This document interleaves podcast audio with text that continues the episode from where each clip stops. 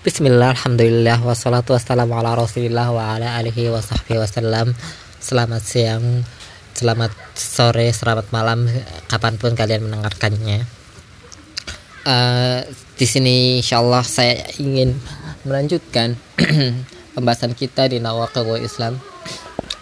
Dan uh, sebenarnya kenapa pembawaan saya itu di sana seperti biasa aja tidak terlalu serius? Karena saya pengen membawakan ini juga seperti berbincang bukan seperti yang uh, mengobrol uh, bukan seperti yang belajar uh, di depan kitab atau di depan buku atau ya kalau di depan buku lebih baik sebenarnya. Cuma saya pengen membawakannya ini dengan apa ya uh, yang sekiranya bisa diterima oleh pendengar di mana pun gitu tuh. Bisa sambil santai bisa sambil uh, apa ya ya orang-orang gabut sambil makan atau sambil apa aja.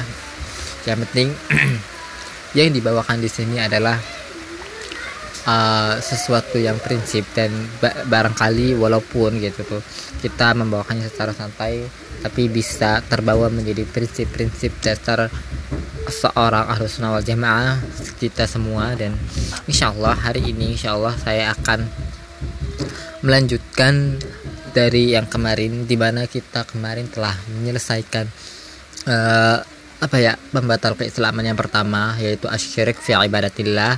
Saya ingatkan kembali bahwasanya syirik itu benar-benar bisa mengeluarkan kita dari Islam hingga uh, kita tidak menjadi Islam lagi dan hingga kita bisa jadi apa namanya apa ya teranggap tidak terampuni kalau tidak bertaubat. Jadi uh, dosa ini dosa yang sangat besar bagi Islam.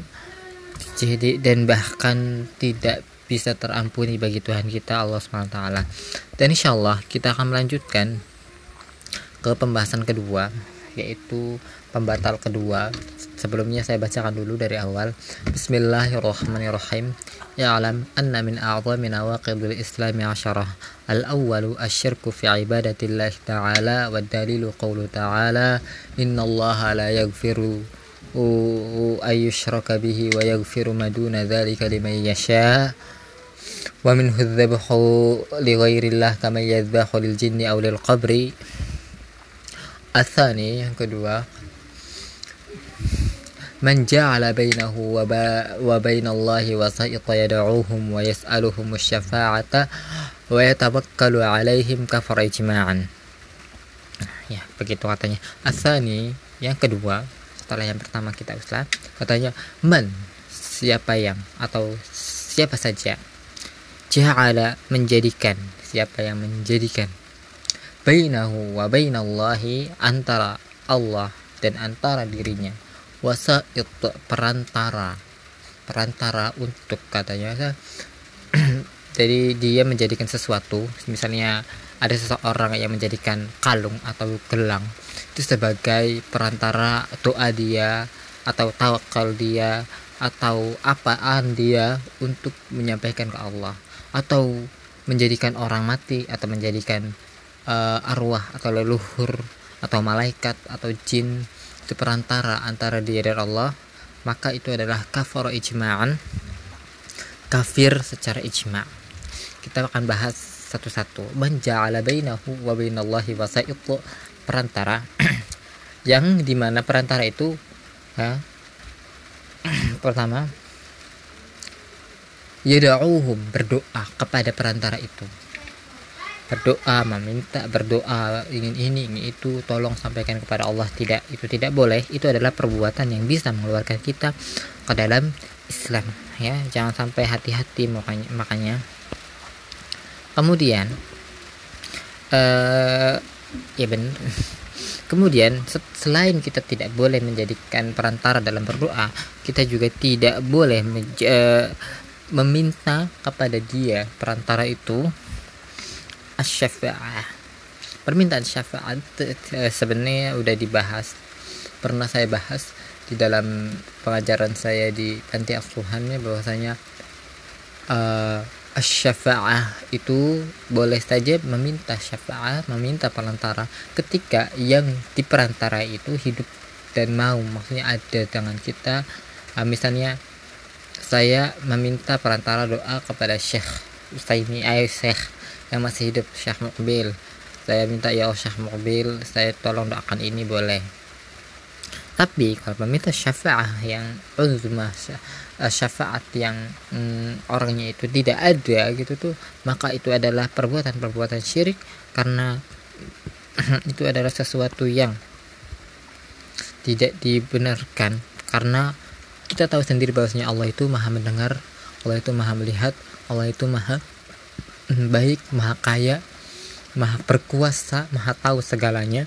Jadi kita itu tidak perlu membuat perantara-perantara perantara antara kita dengan Allah. Begitu tuh ya.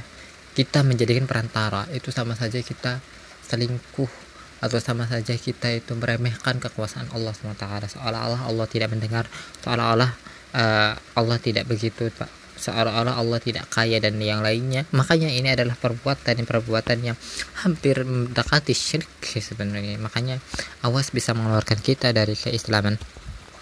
Kemudian meminta syafaat ya. Jadi apa sih syafaat itu? Syafaat itu sebelum kita masuk apa itu? Syafaat itu adalah uh, apa ya? Bantuan. Syafaat itu yang dimaksud di sini syafaat dalam Islam itu ketika di dalam di akhirat kelak kita itu semuanya dalam keadaan susah.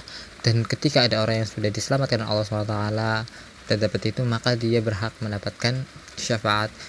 Jadi dia boleh meminta kepada Allah untuk menolong saudaranya untuk menolong nah begitu dan sebenarnya orang-orang kafir orang-orang kafir Quraisy zaman dulu itu menjadikan Lata mana Uzzah itu sebagai syafaat. Karena katanya Lata itu adalah anak dari Allah yang dekat dengan Allah Lat itu orang saleh mungkin yang dulu ya. Dan ya begitu. Mereka meminta bantuan kepada Lat Manat kemudian kepada Uzza untuk didekatkan kepada Allah SWT untuk kelak nanti ditolong oleh mereka itu mereka mereka para berhala berhala berhala itu. Mereka juga kalau ditanya apa kamu meminta kepada batu? Tidak. Mereka meminta kepada arwah-arwahnya meminta kepada sesuatu yang ada di sana bukan kepada batu itu. Kemudian wa yatawakkalu alaihim. Dan tidak boleh kita bertawakal kepada perantara-perantara itu. Tidak boleh sama sekali ya. Jangan. Ini adalah sesuatu yang uh, apa ya? Sesuatu yang tidak boleh dilakukan. Dan yang saya sebutkan tadi ini ya kenapa ini prinsip-prinsipnya? Ya doa jenis ibadah yang sering kita lakukan. Wayas alu meminta berharap. Kemudian wayat tawakal ini adalah ibadah-ibadah yang besar ibadah-ibadah yang berkait dengan hati. Dan sebenarnya kita tuh sering melakukannya di dalam hati kita gitu tuh. Dan itu merupakan sebuah peribadahan yang mendapatkan pahala. Ketika ini melenceng awas hati-hati ini. Orang-orang menyangka bahwasanya yang namanya kafir menyembah berhala itu ya menyembah mendapat memberikan sesaji. Tidak padahal sih ini esensi dari berdoa itu ay, beribadah itu meminta atau berdoa kemudian bertawakal ini esensi dari ibadah itu ini. Esensi. Sholat itu esensinya apa? Ya tawakal isinya juga meminta isinya juga berdoa zakat. Zakat misalnya. Itu isinya juga meminta. Meminta agar hartanya dibersihkan. Kemudian juga tawakal agar hartanya itu e, bermanfaat agar hartanya itu itu. Kemudian meminta juga agar pahalanya juga diterima. Ini adalah esensi-esensi ibadah yang syah tuliskan tapi tidak menjelaskannya. Jadi uh, awas ini ketiga hal esensi-esensi ibadah yang kita itu kadang tuh salah menilai persepsi gitu tuh. Padahal yang paling benar yang paling uh, utama dari beribadah esensinya itu tawakal berdoa. Jadi bahkan Syekh pernah menulis di dalam kitab lain dalam surah salasa katanya doa umuhal ibadah yang namanya doa itu rohnya ibadah. Jadi hati-hati hati ini ya. Jangan sampai meminta kepada yang lain berdoa kepada yang lain. Kemudian katanya kafaru ijma'an. Tulis Syekh tuliskan kafaru ijma'an. Maksudnya uh, ijma itu artinya sepakat bukan hanya uh, sepakat para ulama tapi sepakat itu antara Quran di dalam dalil Quran ada di dalam dalil hadis ada di dalam perkataan para ulama juga ada. Bahwasanya melakukan menjadikan perantara antara dia dengan Allah itu uh, merupakan sebuah kekafiran kafir secara ijma. Makanya uh, hati-hati ini uh, dan materi sudah selesai di sini ya. Singkat sekali ya sebenarnya dan saya itu terlalu banyak introduksi sebenarnya. Tapi uh, saya pengen menjelaskan lebih lanjut maksudnya ngobrol-ngobrol contoh-contoh gitu yang lainnya. Misalnya eh, bahkan terhadap obat pun kita tidak boleh bertawakal terhadap obat gitu tuh. Soalnya itu juga sama menjadikan antara dia dan Allah itu itu. Kalau nggak ada obat ini Allah nggak menyembuhkan itu juga salah satu bentuk kekufuran. Nah, kalau nggak pakai obat ini nah begitu tuh jangan sampai seperti itu tapi kita gunakan obat itu tetap Allah yang menyembuhkan. Allah tetap menyembuhkan. Jadi uh, apa ya? Kita jadikan sesuatu sebagai sebab saja. Bukan semuanya itu sebenarnya kehendak Allah. Dan ini sebenarnya sebenarnya buku ini tuh mengandung akidah-akidah dan prinsip-prinsip dan manhaj-manhaj yang benar gitu dan saya juga melihat gitu kan di kitab di kitab ini ini tuh sesuatu yang paling penting kedua setelah syirik. Syekh eh, menjelaskan cabang dari uh, kesyirikan itu yaitu ini nih meminta kepada yang gaib. Bahkan meminta kepada kuburan atau orang soleh yang sudah meninggal kita tidak boleh bertawakal kepada mereka. Uh, aduh nenek moyangku atau jangan nenek moyang ya. Aduh bapak tua yang di sana saya lagi kesusahan ini. Tolong bantu saya. Apa yang harus saya lakukan? Itu tidak boleh juga. Karena sudah meninggal mereka tidak akan mampu melakukan apa pun. Jadi meminta kepada Allah SWT adapun ketika kita menyebut nyebut mereka menyebut menyebut para yang sudah meninggal meninggal meskipun tahu kita tahu mereka itu soleh kita cukup mintakan ampun saja. Minta ampun berdoa untuk mereka ya mereka sudah tidak bisa berbuat apa-apa lagi. Ya. Dan sebenarnya materi sudah selesai gitu cuma kayaknya kurang panjang saja.